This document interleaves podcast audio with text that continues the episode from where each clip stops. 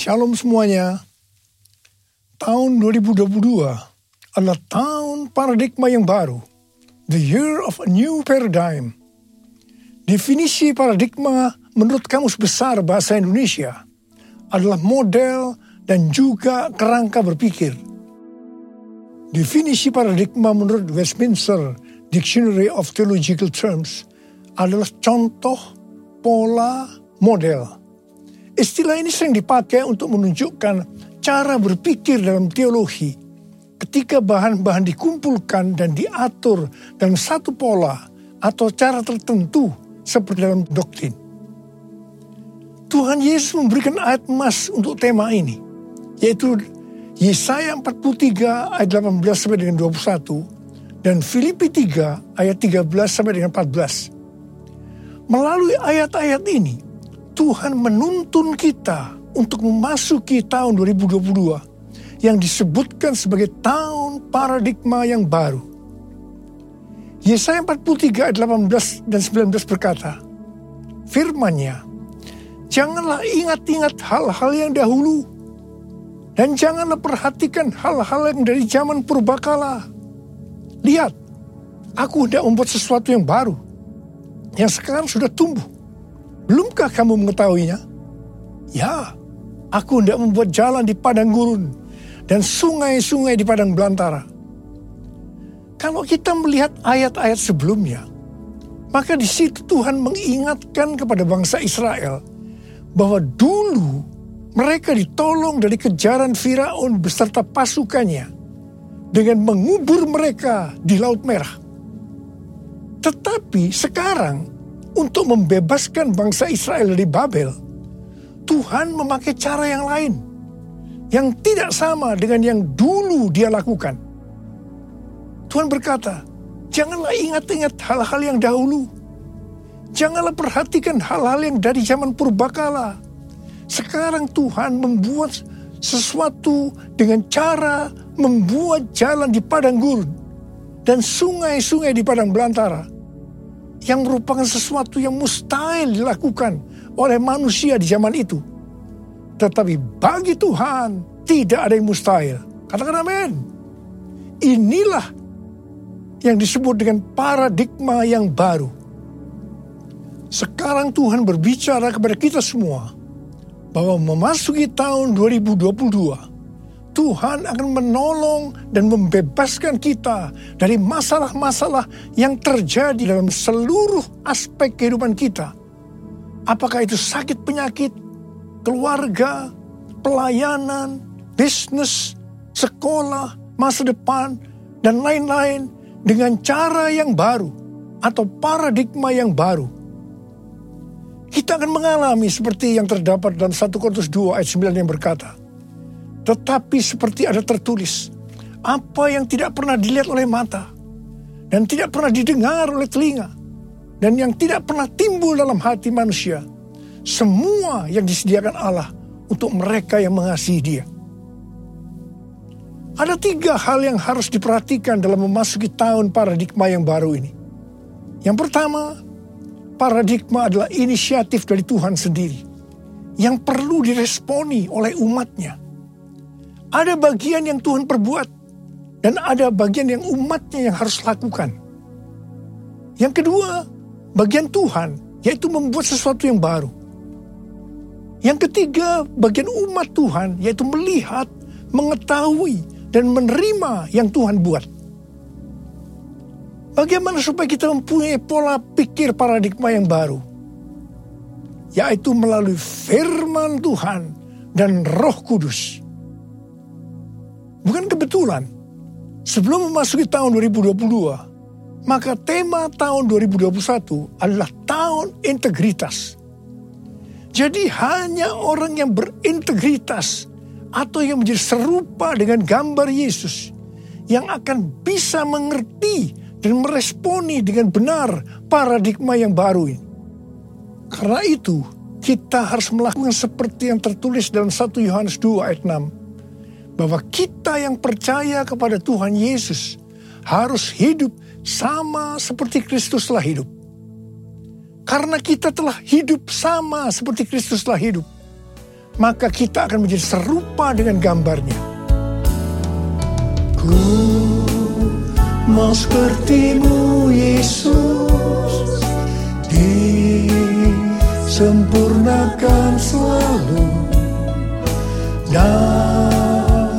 dalam setiap jalanku memuliakan namamu memuliakan memuliakan namamu.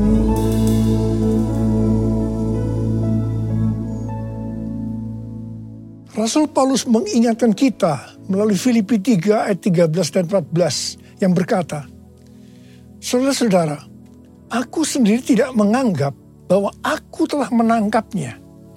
Tetapi ini yang kulakukan. Aku melupakan apa yang telah di belakangku dan mengarahkan diri kepada apa yang di hadapanku dan berlari-lari kepada tujuan untuk memperoleh hadiah yaitu panggilan surgawi dari Allah dalam Kristus Yesus. Kalau kita melihat ayat-ayat sebelumnya, di situ Rasul Paulus bersaksi bagaimana dia mengalami perubahan paradigma terkait dengan masa lalunya adalah karena pengenalannya akan Kristus Yesus. Jadi orang yang berjumpa dengan Tuhan Yesus seharusnya mengalami perubahan paradigma. Artinya memiliki paradigma yang baru. Setelah Rasul Paulus mengalami paradigma yang baru karena dia mengenal Tuhan Yesus, maka sesuai dengan Filipi 3 ayat 13 dan 14 tadi, maka Rasul Paulus melupakan apa yang telah di belakangnya Artinya melupakan apa yang pernah dilakukan. Dan mengarahkan diri kepada apa yang dihadapannya. Dan berlari-lari bertujuan. Artinya mengejar sekalipun menderita untuk memperoleh hadiah. Yaitu panggilan surgawi dari Allah dalam Yesus Kristus. Rasul Paulus mengajak kita dalam Filipi 3 ayat 15 supaya kita juga melakukan seperti itu yaitu kita harus berlari-lari kepada tujuan. Artinya mengejar sekalipun menderita untuk memperoleh hadiah berupa mahkota. Jadi kita juga harus berpikir, kita tidak hanya masuk surga saja, tetapi masuk surga dengan hadiah berupa mahkota. Yang mau katakan amin? Kalau kita membaca perikop Nabi Hagai pasal 1 sampai dengan pasal 2 ayat 1a, itu adalah ajakan untuk membangun bait suci. Tuhan berfirman melalui Nabi Hagai kepada Zerubabel bin Sieltiel, Bupati Yehuda, dan Yusua bin Yusadak, imam besar, untuk mengajak bangsa Israel membangun bait suci.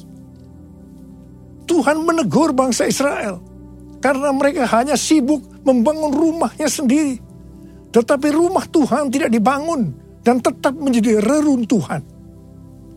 Tuhan berkata kepada bangsa Israel, "Karena itu, lihatlah keadaan dirimu. Kamu menabur banyak, tetapi membawa pulang hasil sedikit. Kamu makan, tetapi tidak sampai kenyang. Kamu minum, tetapi tidak sampai puas. Kamu mendapat upah, tetapi tidak pernah cukup. Karena seperti ditaruh dalam pundi-pundi yang berlubang. Yang artinya, kemungkinan banyak pengeluaran yang tidak terduga, seperti sakit, dicuri, ditipu, dirampok, dan lain-lain. Teguran yang sama sekarang Tuhan berikan juga kepada kita. Karena hari-hari ini banyak di antara kita yang sibuk membangun keperluan-keperluan kita secara jasmani. Sedangkan manusia rohani kita tidak dibangun. Tidak diperhatikan. Pertanyaannya, Bagaimana dengan keadaan saudara? Apakah sama dengan bangsa Israel pada waktu itu? Tuhan berkata kepada bangsa Israel bahwa kalau mereka membangun rumah Tuhan, maka mereka akan diberkati baik secara jasmani maupun rohani. Demikian juga Tuhan berbicara kepada kita. Kalau kita membangun manusia rohani kita, sehingga akan menjadi serupa dengan gambar Yesus, maka Tuhan akan mencurahkan berkat secara jasmani dan rohani. Jadikan aku bait sucimu yang kudus tiada bercela. Jadikan aku mesbah doamu. Bagi keselamatan bangsaku. Bagi keselamatan bangsaku. Bagi keselamatan bangsaku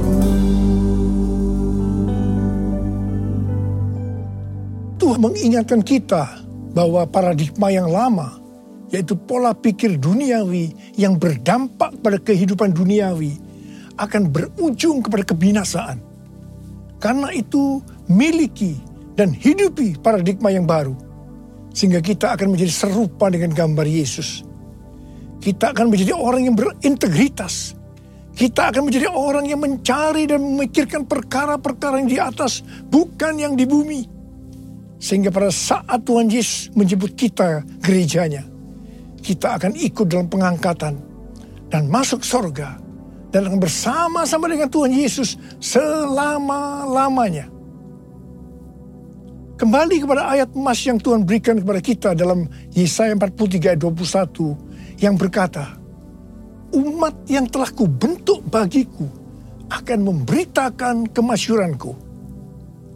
Tuhan akan menolong kita dalam seluruh aspek kehidupan kita untuk memasuki tahun 2022 dengan paradigma yang baru.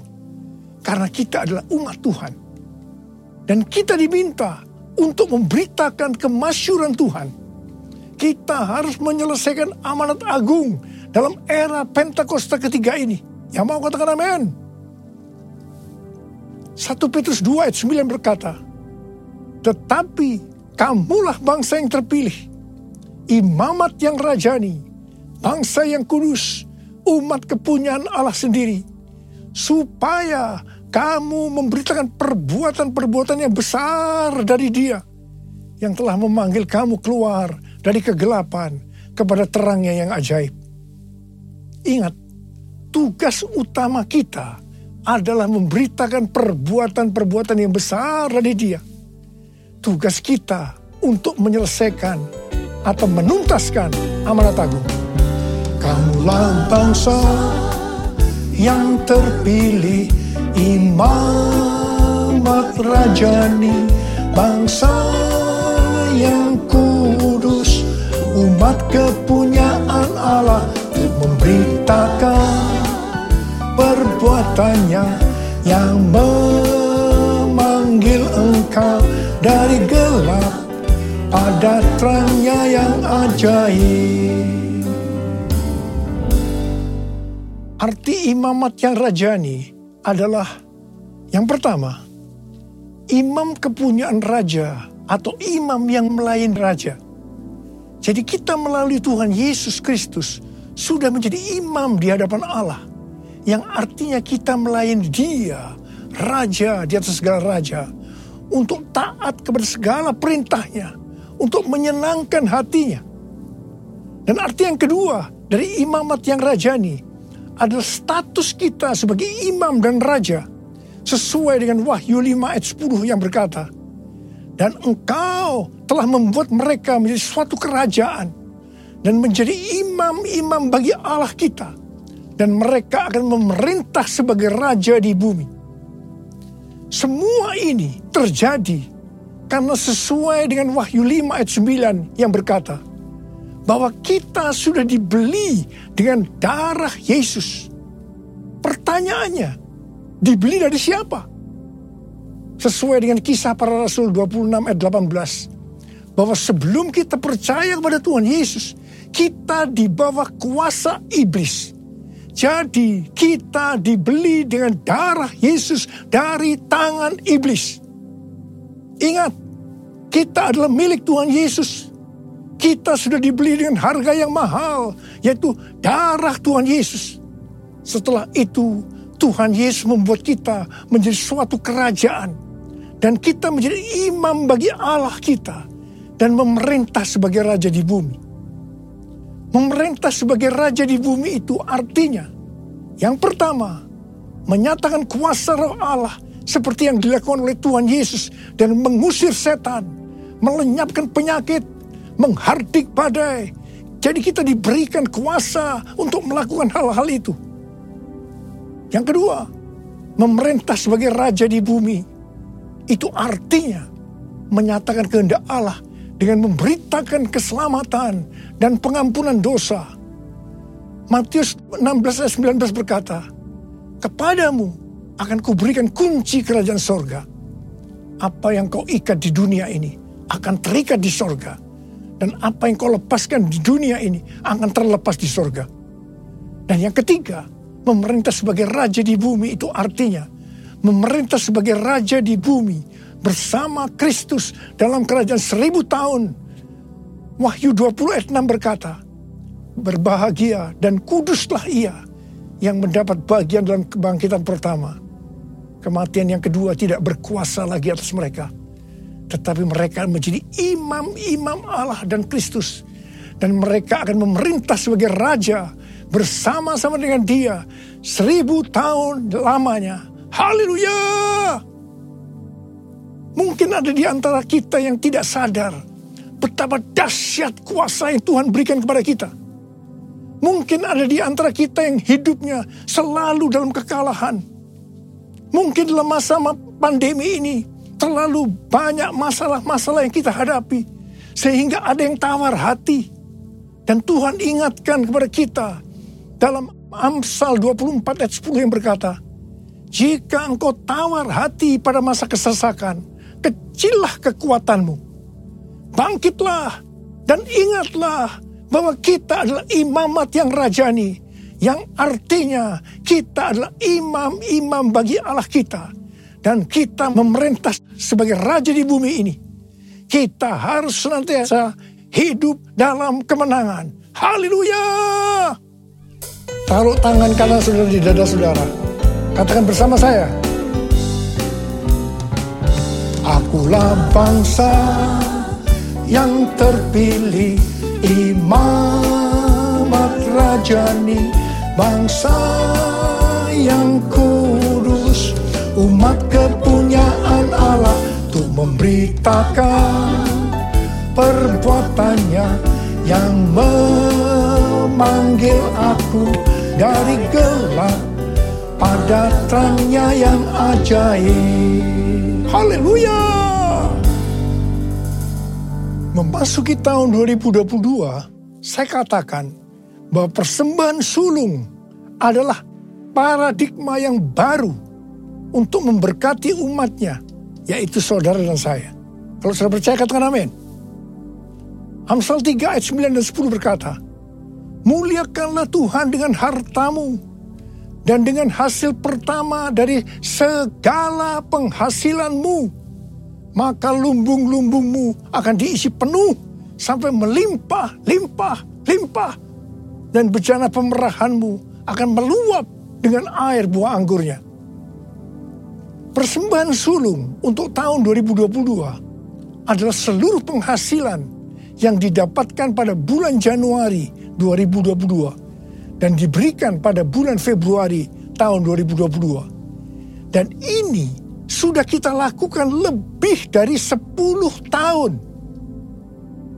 Persembahan sulung adalah hasil pertama yang merupakan hasil terbaik secara kualitas dan kuantitas.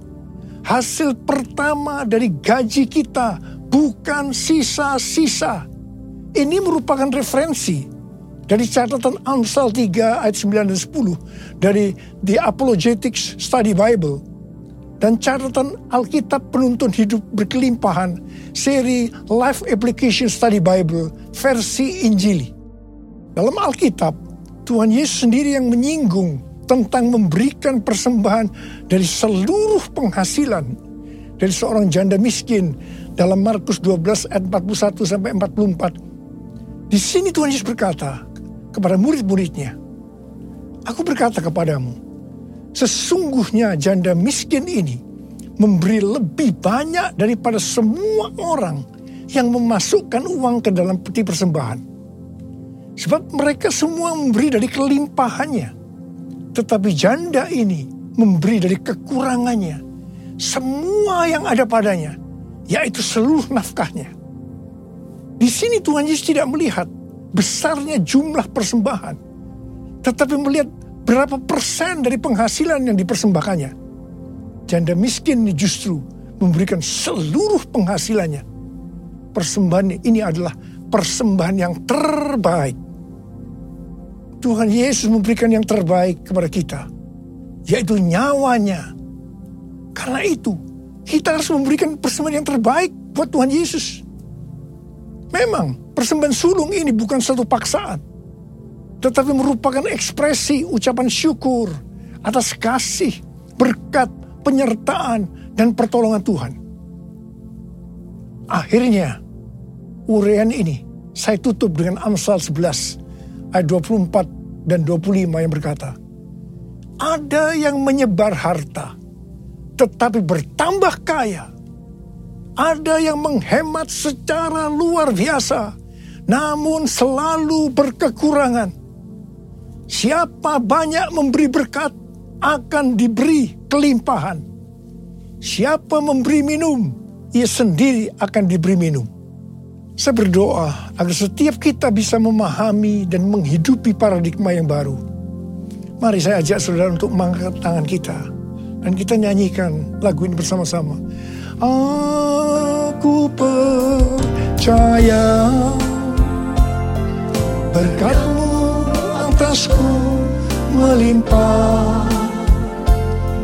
Kebajikan kemurahan selalu mengikutiku Ku puji, ku sembah kau Tuhan. Aku percaya Tuhan. Aku percaya Berkatmu atasku melimpah. Kebajikan, kemurahan selalu mengikutiku. Ku puji, ku sembah kau Tuhan Ku puji, ku sembah kau Tuhan Ku puji, ku sembah kau Yesus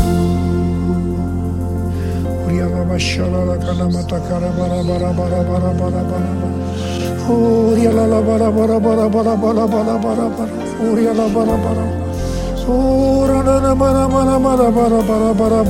Bara Ya Tuhan, ya Tuhan, kami memasuki tahun paradigma yang baru. Tuntun kami semua Tuhan, tuntun kami untuk bisa memahami dan menghidupi paradigma yang baru itu Tuhan. Berkatmu melimpah buat anak-anakmu. Kami percaya, kami percaya Tuhan. Kami terima berkatmu, kami terima berkatmu. Terima berkat Tuhan saat ini. Terima, terima, terima, terima, terima. Oh, rala-bala, bala-bala. Oh, rala-bala, terima kasih. Terima kasih Tuhan. Ku puji, ku sembah kau Tuhan. Ku puji, ku sembah kau Tuhan. Ku puji, ku sembah kau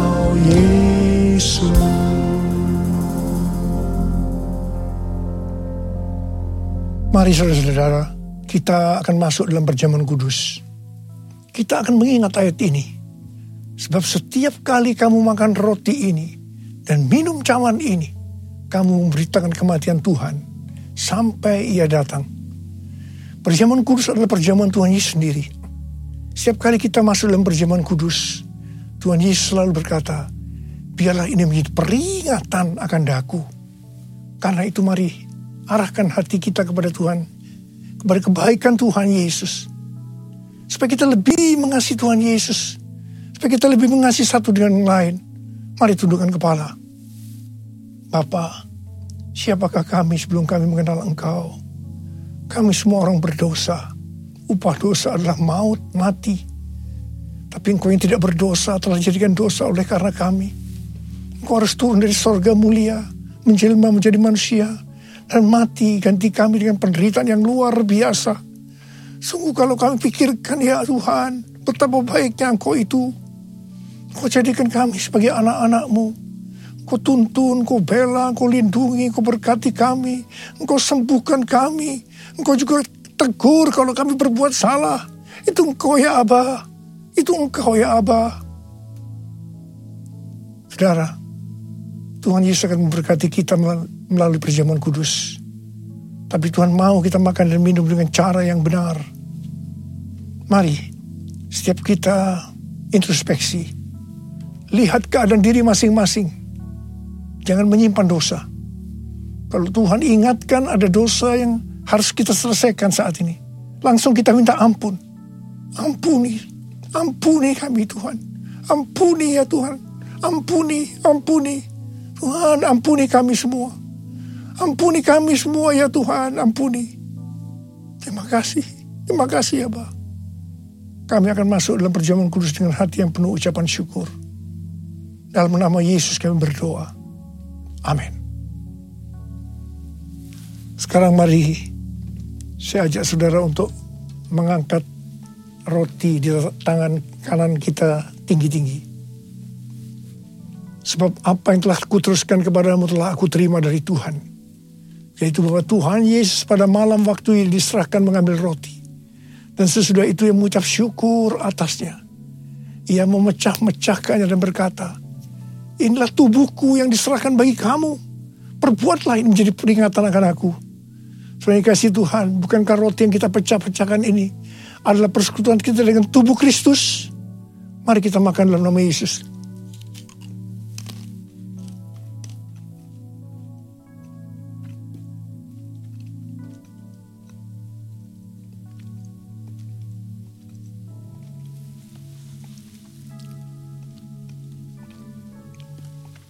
Cawan di tangan kanan kita tinggi-tinggi. Demikian juga yang mengambil cawan sesudah makan. Lalu berkata, cawan ini adalah perjanjian baru yang dimeteraikan oleh darahku. Perbuatlah ini. Setiap kali kamu meminumnya menjadi peringatan akan aku. Soalnya kasih Tuhan. Bukan kecawan pengucapan syukur. Yang atasnya kita ucapkan syukur. Adalah persekutuan kita dengan darah Yesus. Mari kita minum dalam nama Yesus.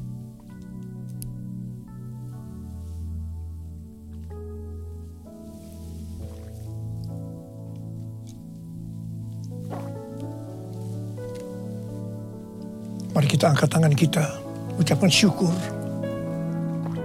Dengan suara, jangan diam. Ucapkan terima kasih, ucapkan syukur. Ya Tuhan terima kasih. Kami bersyukur ya Tuhan, kami bersyukur. Oh rada bayar rada basandera karena malah Oh terima kasih buat kebaikanmu ya Tuhan.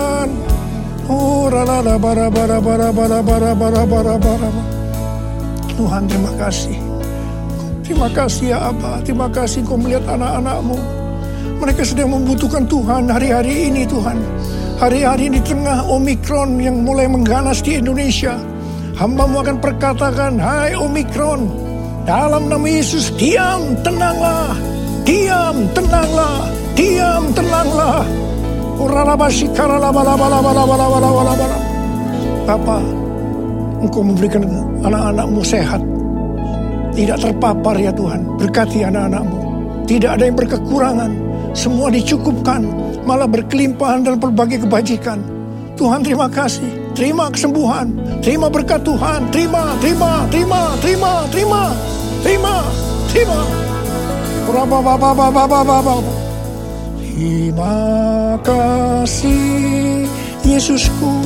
Terima kasih Yesusku. Puji syukur hanya bagi Tuhanku. Terima kasih Yesusku. Terima kasih Yesusku. Puji syukur hanya bagi Tuhanku. Terima kasih ya Tuhan Terima kasih Yesusku. Terima kasih Yesusku. Puji syukur hanya bagi Tuhanku. Terima kasih Yesusku. Terima kasih Yesusku. Puji syukur hanya bagi Tuhanku. Puji syukur hanya bagi Tuhanku. Puji syukur hanya bagi Tuhan